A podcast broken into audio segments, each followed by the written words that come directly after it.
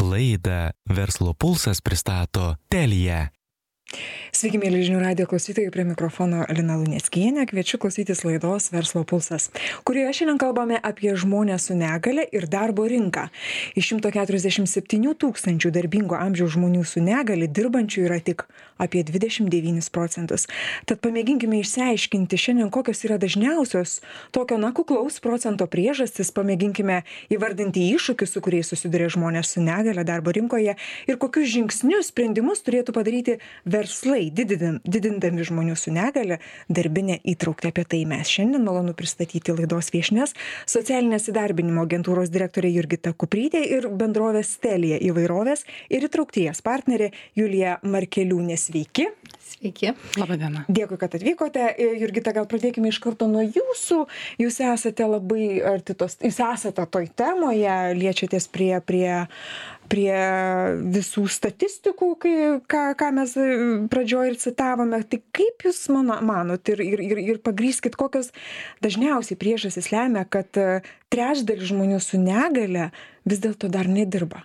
Trečdalis dirba. Atsiprašau, tik trečdalis dirba, o visi likę nedirba. Taip. Taip. Tai kaip ir visada sudėtingi klausimai ir, ir atsakymai irgi yra ne vienas dalykas, bet, bet visa puokštė priežasčių, kodėl žmonės nedirba, pradedant nuo švietimo sistemos, mes turim jau gan tokią ilgą neigiamą tradiciją, kad žmonės su negale ilgą laiką buvo laikomi na, kitokiais ir, ir segreguotai ir ugdymas buvo vykdomas ir, ir vėliau patekti į, į aukštasias mokyklas buvo sunku. Tai tai tos tradicijos jos nu ir dabar turi savo išliekamus požymius. Tai tai ir švietimo sistema yra kur pasitempti ir ilgalaikis nedarbas kai žmonės nu nutolsta nuo rinkos neranda darbo arba po baigimo mokslų sunku įsitvirtinti tai jie labai ir atitrūksta nuo darbo rinkos. Aišku dar yra ir iššūkiai kurie susiję būna su pačia negalia nes na negalios irgi įvairios būna ir tikrai ne visos darbo vietos yra pritaikytos ir tinkamos žmonėm. E, reikia pastangų darbdaviam kad na atsižvelgti į jų poreikius yra ir ir stigmatizavimo tam tikro ir na gal sakyčiau labiau baimių kai ar nežinios kaip tiem žmonėm padėti įsitvirtinti įsilieti į kolektyvus. Tai tai tok visas visas spektras e, priežasčių kodėl jie nedirba julija ką ką minėjo jurgita tai yra u ugdymas ar ne viena iš iš priežasčių kad ugdyme turime pasi pasitempti kita priežasčių buvo kad patys žmonės su negalia šiek tiek gal atitolsta ir ir ir galbūt nerodo labai noro galbūt didelio ar ne įs įeiti į tą rinką labiau sakyčiau gebėjimų pristinga taip. Tai aš čia norėčiau ką verslai taip va norisi iš verslo pusės žiūrėti šitą. va šitai paskutinei jurgitos minčiai tai yra kvalifikacija ar ne? Mano nuo manymu tai yra tiesiog per mažai programų padedančių žmonėms su negalia įgyti tą kvalifikaciją ką ir jurgita mini ar ne kad net ir universitetai pradėkime nuo to ar mokyklos ar mokymosi tos įstaigos tai viskas na tikrai ta puokštė jinai tokia ir yra. Nes ir mes kai ieškome žmonių ar ne tai na vienas iš dalykų kad tiesiog na vis tiek pirmiausia yra kvalifikacija. Mes tiek renkamės pagal tai ar žmogus atitinka savo sakykim gebėjimais ar ne tą vieną ar kitą poziciją. Ir na dar kitas dalykas ką tikrai dažnai pastebim kad jie net neaplikuoja ar ne tam tikro į tam tikras pozicijas patys žmonės su negalia nes pasiskaito skelbimą ir na tiesiog patys pagalvoja kad na neatitinka. Tai va ta kvalifikacijos kėlimo programų poreikis manau yra labai didelis o pats verslas yra padaręs savo namų darbus nes na taip mes čia turim tas ob objektyviąsias priež o verslai jūs jų iš verslo pusės yra daromi žingsniai kad kad e, ta įtrauktis didėtų žmonių su negalia tai aš visą laiką sakau kad verslas nuo ko turi pirmiausia pradėti tai suprasti kad šita problematika yra ir nuspręsti samdyti žmones su negalia ar ne? Ir viskas prasideda nuo edukacijos ir aš visą laiką kartojuosi ir ta edukacija yra mano kaip nežinau tėve mūsų malda mantra kalbat tokia mantra nes tikrai viskas prasideda nuo to kad arba aš samdau žmogų su negalia žinau kad tai yra ne kažkokia paslauga man labiausiai norisi pasakyti nustokim galvoti kad verslas daro paslaugą samdydamas žmones su negalia ne tai yra visiškai abipusė nauda tai yra neatrastas talentų ar ne kiekis kurie yra rinkoje ir žmonių su negalia tik daugėja ir tik daugės. Ir jeigu mes nerasime būdų kaip padaryt juos tiesiog mūsų visuomenės dalimi ir darbo ar ne rinkos dalimi na tai tikrai turėsim labai didelių problemų jau netolimoje ateityje juolab bet kad dar darbo rinka stringa šiais laikais ir ir trūkumas darbuotojų tikrai yra. Ką minėjo julija jurgita kad a, neaplikuoja ar ne? Tai tai ta ta ta kažkokia tikriausiai nepasitikėjimo baimės yra momentas ką ir jūs sakėt galbūt čia atėję iš tų a, nuomonės tos viešosios tokios stiprios ganėtinai bet ar keičiasi kas nors? Ar ten tas stigmatizavimas kaip jūs minėjote jisai blėsta mes mes tampam a, labiau tolerantiškesni labiau ieškome išeičių šitoj vietoj. Ką jūs stebit? Tai čia yra dvi pusės. Tai viena, kodėl neaplikuoja, tai e, ne visada tai yra nenoras, kad jie nenori dirbti, tai gali būti išaiška to, kad žmogus daug kartų bandė ir nepateko į darbo rinką ir gavo neigiamus atsakymus arba jokių atsakymų negavo ir pasidarė savo išvadas, kad žmonių su negale niekam nereikia, kaip pavyzdys. A, Tai, tai, tai kartais tai yra priežastis, kartais tiesiog savęs, kaip ir Julija minėjo, nemato toj darbo vietų arba, na, galvoja, kad jam nepavyks, nepasiseks. Tai to psichosocialinis aspektas šitoje vietoje irgi yra svarbus, nes, na, kai žmonės nedirba ilgą laiką, tai turi poveikį ir jo aktyvumui, ir norui dalyvauti labiau. Grįžtant prie stigmatizmo ir ar keičiasi situacija, tai taip mes pastebim, kad tikrai randasi daugiau darbdavių, kuriam svarbu yra įvairovė, įtrauktis. Kita vertus, tai aišku, ir darbdaviai turi ugdyti savo supratimą apie žmonių įvairovę ir negalę. Tai nėra kažkoks vienas uh, aspektas žmogaus, tai negalios, pat, pat, pačios negalios yra labai skirtingos ir, ir skirtingais būdais reikia prisitaikyti prie jų poreikių. Tai va to supratimo dar, na, dar yra kur mokytis mums visiems turbūt. Edukacija, ne? Ir Edukacija, sakiau, taip. ta vat mano mantra, kad mes visi turim išmokti būti kartu. Tiesiog. ir apie tai kalbėti Ir apie tai kalbėti, ir kol tai taps rodyti, norma ne, taip, kad- taip. Jurgita, dar noriu ką, o, jūsų, jūsų teirautis tokio dalyko. E, Gerai, pabandė vieną kartą, kaip ir sakėt, antrą kartą e, neigiamas atsakymas, trečią kartą jau ir žmogus tikrai užsiblokuoja, jau pradeda ir, ir nebepasitikėti ir mm, savo, savo kompetenciją, savo žiniomis. Ką jūs jam patartumėte daryti? Kur kreiptis? Ar, ar yra su kuo jam pasikalbėti? Kas jam, vad ką elgtis tada žmogui po, po trijų ne?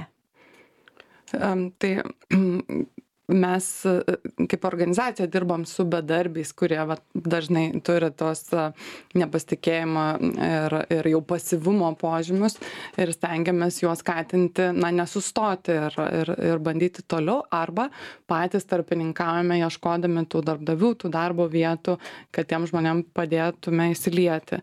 E, Žinoma, ne tik mes esam žaidėjai, aš manau, ir darbdaviai gali padaryti daugiau ir to skatinimo, ir to na, lankstesnių būdų, kaip žmonės apskritai patenka į organizaciją. Nebūtinai reikia aplikuoti standartiniu būdu per duomenų bazės. Galbūt gali būti kiti sprendimai žmonėm, kuriem yra galbūt ir sunkiau tas duombazės pildyti, galbūt jie turi uh, įvairių kitų uh, su negalė susijusių priežasčių, kodėl jie negali praeiti to atrankų filtro, kuris yra standartiškai taikomas. Tai na, čia to lankstumo reikia ne tik iš žmonių, bet ir iš įmonių pusės taip pat. Dabar jau taip norisi tą kitą pusę ir žiūrėti, ar ne, kaip tas lankstumas iš darbdavio pusės, aplikavimas kitokiu būdu, padrasinimas, kaip, ka- kaip jūs matote tą situaciją, būtent ką, ką Jurgita ir minėjo. Tai vad ką ir sakau, kad svarbiausia yra, kad mes patys nuspręstume samdyti. Jau čia bus žingsnis verslo, nusprendėm samdyti, reiškia, mes automatiškai ir keičiam tą procesą. Automatiškai mes, a- aš labai dabar tokią nagrinėjau temą neuroįvairovę, ar ne, kas na, irgi yra viena iš negalios, sakykime, na, prie šitos temos labai susijusi tema, nes yra žmonių, kuriem galbūt labai sudėtinga ten tą akių kontaktą palaikyti, kalbant, galbūt jie jum rankos nepaspaus atėję į darbo pokalbį ir tie senieji ar nedarbo pokalbio būdai, tai vos ne nuo rankos paspaudimo mes nusprendžiam, kiek tas žmogus čia mums labai geras kolega bus, bet tai yra visiškai ne apie tai, tai yra ir atrankos procese žmonėm, tarkim, kurie turi autizmo spektro sutrikimą, reikėtų duoti daugiau testo tipo užduočių, ar ne? Ir man labai patinka pasakymas, tikrinkime žmogaus gebėjimus, o ne socialinius įgūdžius, ar ne? Nes kiekvienai pozicijai reikia skirtingų dalykų. Aišku, jeigu tai yra socialinių įgūdžių reikalaujanti pozicija, tai yra kitas dalykas, ar ne? Tačiau mes turim begalę pozicijų versluose, kur galėtume tiesiog pasižiūrėti lankščiau. Ir ką apie lankstumą, va, jeigu taip užbaigiant, man atrodo, tai yra labai svarbu ir kai aš bendrauju su žmonėm turinčiais negalę, skaudžiausia man yra girdėti, ypatingai kas augina vaikus su negale, kad žmogus turi išnaudoti vos ne mamadienį tokiu būdu kad ketvirtadieniais išeiti dviem valandom anksčiau nes reikia vaiką nuvežti į treniruotę ir man tiesiog skaudu klausyti ar ne kaip gali būti taip nelankstu tai turėtų būti elementaru na išeik anksčiau ir viskas ir nie niekas neturėtų skaičiuoti tai aš manau kad tas lankstumas jisai privalo atsirasti bet jis atsiranda vėlgi iš atviro pokalbio ar ne? Aš turiu atvirai pasakyti nes įstatymiškai žmonės neprivalo kaip ir nurodyti ar turi negalią ar jos neturi ar ne besidarbindami. Bet jeigu tu pasakai prieš ateidamas į poziciją pasidalini iššūkiais ar ne? Nebūtinai pasakai kad tu ten turi vienokią ar kitokią negalią bet mum kur kas bus lengviau būti lanksčiais kai mes žinosime dėl ko to reikia ar ne? Tai tas aš vėlgi kaip ir ta edukacija taip ir kalbėjimasis viskas prasideda nuo to žmogiškojo ryšio pas pastatai gali būti pritaikyti idealiai. Mes galime apsistatyti tobulais pritai tobulai pritaikytais pastatais kuriuose sėdės tobulai neprisitaikę žmonės Mm. kurie nenorės daryti to žingsnio. Ir tada ties tuo mes ir užbaigsim ar ne visą šitą įtraukties procesą. Tai viskas prasideda nuo noro ir prisitaikymo savęs paties visų pirma. Aš pats turiu sau pasakyti kad aš noriu būti įtraukesnis ir keistis ir kalbėtis. Tai kelios kryptys ar ne ne viena kryptim turi judėti visas procesas o keliomis kryptimis ir dalyviai visi turi komunikuoti ką jūs ir kalbate visi turi kalbėtis. A jurgita ką jūsų noriu klausti a ar daugėja verslų kurie nori įdarbinti žmones su negalia tai manau kad tikrai daugėja bent jau tų kurie sako kurie deklaruoja tą pirminį norą visaip tenka susidurti. Būna kad tas pirminis noras ir nukeliauja iki realios darbo vietos bet būna taip pat kad na supranta kad čia per daug sudėtinga čia jau per gal mes pasirinksim kokį lengvesnį variantą. Tai visokių verslų būna kaip ir žmonių taip ir verslo įmonės labai skirtingos yra ir ir dydžiais ir sektoriais ir panašiai tai mes čia prieš laidą šiek tiek užsiminėm pasiklausim pa pa paga įvardinsim tuos sektorius galbūt kurie kurie galbūt aktyviausiai a įdarbina žmones su negalia galėtumėt įvardinti kurie kurie tie m, lyderiai a šitoje įtrauktyje? Mm, mm, kaip tik nenorėčiau sektorių vardinti dėl to, kad žmonės su negale iš tikrųjų tai jie gali dirbti bet kokiam sektoriui. Nes, kaip sakiau, negalios skirtingos, jų gebėjimai irgi labai skiriasi. Julė užsiminė apie neuro įvairovę, tai, tai Elonas Maskas turi Aspergerį. Tai, nu, ta prasme, uh, ta įvairovė yra tikrai didelė ir darbų taip pat, kurios dirba žmonės su negale, bet mūsų organizacijos patirtis tai, na, yra tai, kad realiai jau įdarbinusių yra nemažai ir paslaugų sektoriaus įmonių, ir mm, maitinimo sektoriaus, e, o, o technologijų organizacijos na, tikrai rodo tą norą keistis, norą daryti žingsnius, kad tie žmonės na, būtų jų, jų kolektyvų nariai. Tai. jurgita o kokie dažniausiai būna komentarai a, tų a, aplikuojančių su negalia žmonių į da, darbo vietas ir, ir, ir kurie sulaukia to neigiamo atsakymo. Kokiam, kokiam patirtim jie pasidalino su jumis? Kad žmonių su negale niekam nereikia. Visą laiką tas pats. Nu, nes e, ypač jeigu jie negauna grįžtamo ryšio, ką irgi nu, skatinčiau daryti organizacijas, kad pasakytų, kodėl ne, ne tik, uh, kad tiesiog Ne, ne, ne netinka, bet, ne? bet ir kodėl ne. Ir argumentuotas atsakymas padeda žmogui tobulėti, galbūt kažką daugiau pasimokyti, pasiruošti ir kitą kartą ir panašiai.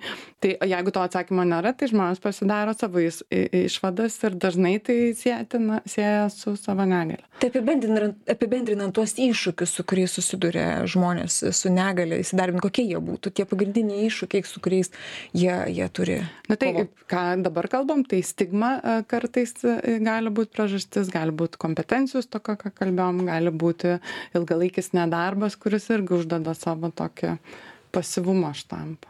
Mhm. E, Julija, jūs bendradarbiaujate su, su Jurgitos įstaiga, socialinė įdarbinimo agentūra. Apskritai, kaip, e, kaip kilo tokia mintis, E, nuo ko prasidėjo viskas, E, kodėl atsirado poreikis? Ir paskui prieisime prie tų jau gerųjų pavyzdžių, su kur- kuriais norėsis pasidalinti, kad, kad visi, visi girdėtų, kaip jūs sakote, tą mantrą ūkdymą mes turime vykdyti, taip ir kalbėti. tai tikriausiai kada prasidėjo mūsų bendradarbiavimas su jurgita ir su sopos organizacija tai dar du tūkstantis devynioliktais metais mes pirmą kartą prisijungėm prie duodei iniciatyvos. Tai jeigu kas nežino tai duodei iniciatyva yra tada kai žmogus su negalia ateina na ir šešėliauja vadin taip taip galim pavadinti, ar ne, žmogų dirbantį toje darbo vietoje. Tai prasidėjo viskas nuo tos iniciatyvos ir pradėjome matyti, kad labai mūsų patys darbuotojai ją teigiamai vertina, jiem patiems yra labai įdomu, jie daug išsineša, jie daug išmoksta, daug supranta. Ir supraskime tai, kad vienas žmogus jisai turi didžiulį ratą kitų žmonių aplinkui ir ne viskas užsidaro ties tuo, kad jisai pamatė šiandien vat, darbo vietoje, nu ir tuo pasibaigė. Jisai grįžęs namo kažkam pasakoja, draugam ir tai ir yra tas skleidimas žinutės ir stigmų destigmatizavimas tiesiog, ar ne? Ir pradėjom kalbėti su Irgito, ką galim padaryti dažniau. Ar ne, vieną kartą metuose sustinkam duodėjai, labai visi vertinam pozityviai, bet mes kaip organizacija norim padaryti daugiau, ar ne? E, ir tiesiog besitardamos e, kambarėlį, ar ne, pradėjom kalbėtis, gal kažkokie mokymai galėtų būti variantas, nes vis tik telijoje turime labai daug ekspertų, kurie savo tikrai temas išmano puikiai ir kai kurios iš tų temų galbūt būtų aktualios pamokyti ir būtent žmonės, kurie sopoje, kaip kaip jūs juos vadinate, na, kaip klientai jūsų, ar ne? Tai a, taip ir gimė šitą mintis ir dabar mes turim tokį kaip ir pilotavimąsi projekto, ar ne, nuo rugsėjo vidurio, kas antrą trečiąjį susirenka grupė žmonių, a, būtent turinčių skirtingas negalės, kas irgi labai yra svarbu. Na ir mūsų savanoriai telė darbuotojai tiesiog pasakoja kažkokias temas, kur yra labiausiai ekspertiškai nusteikę ir ko aš truputėlį bijojau prieš startuojant projektui, tai, nu, vat, kad ar neatkris labai daug žmonių ar ne? Vat iš tų klientų kaip jie dažnai rinksis? Tai man kiekvieną kartą susitikus yra be galo gera matyt tuos pačius veidus.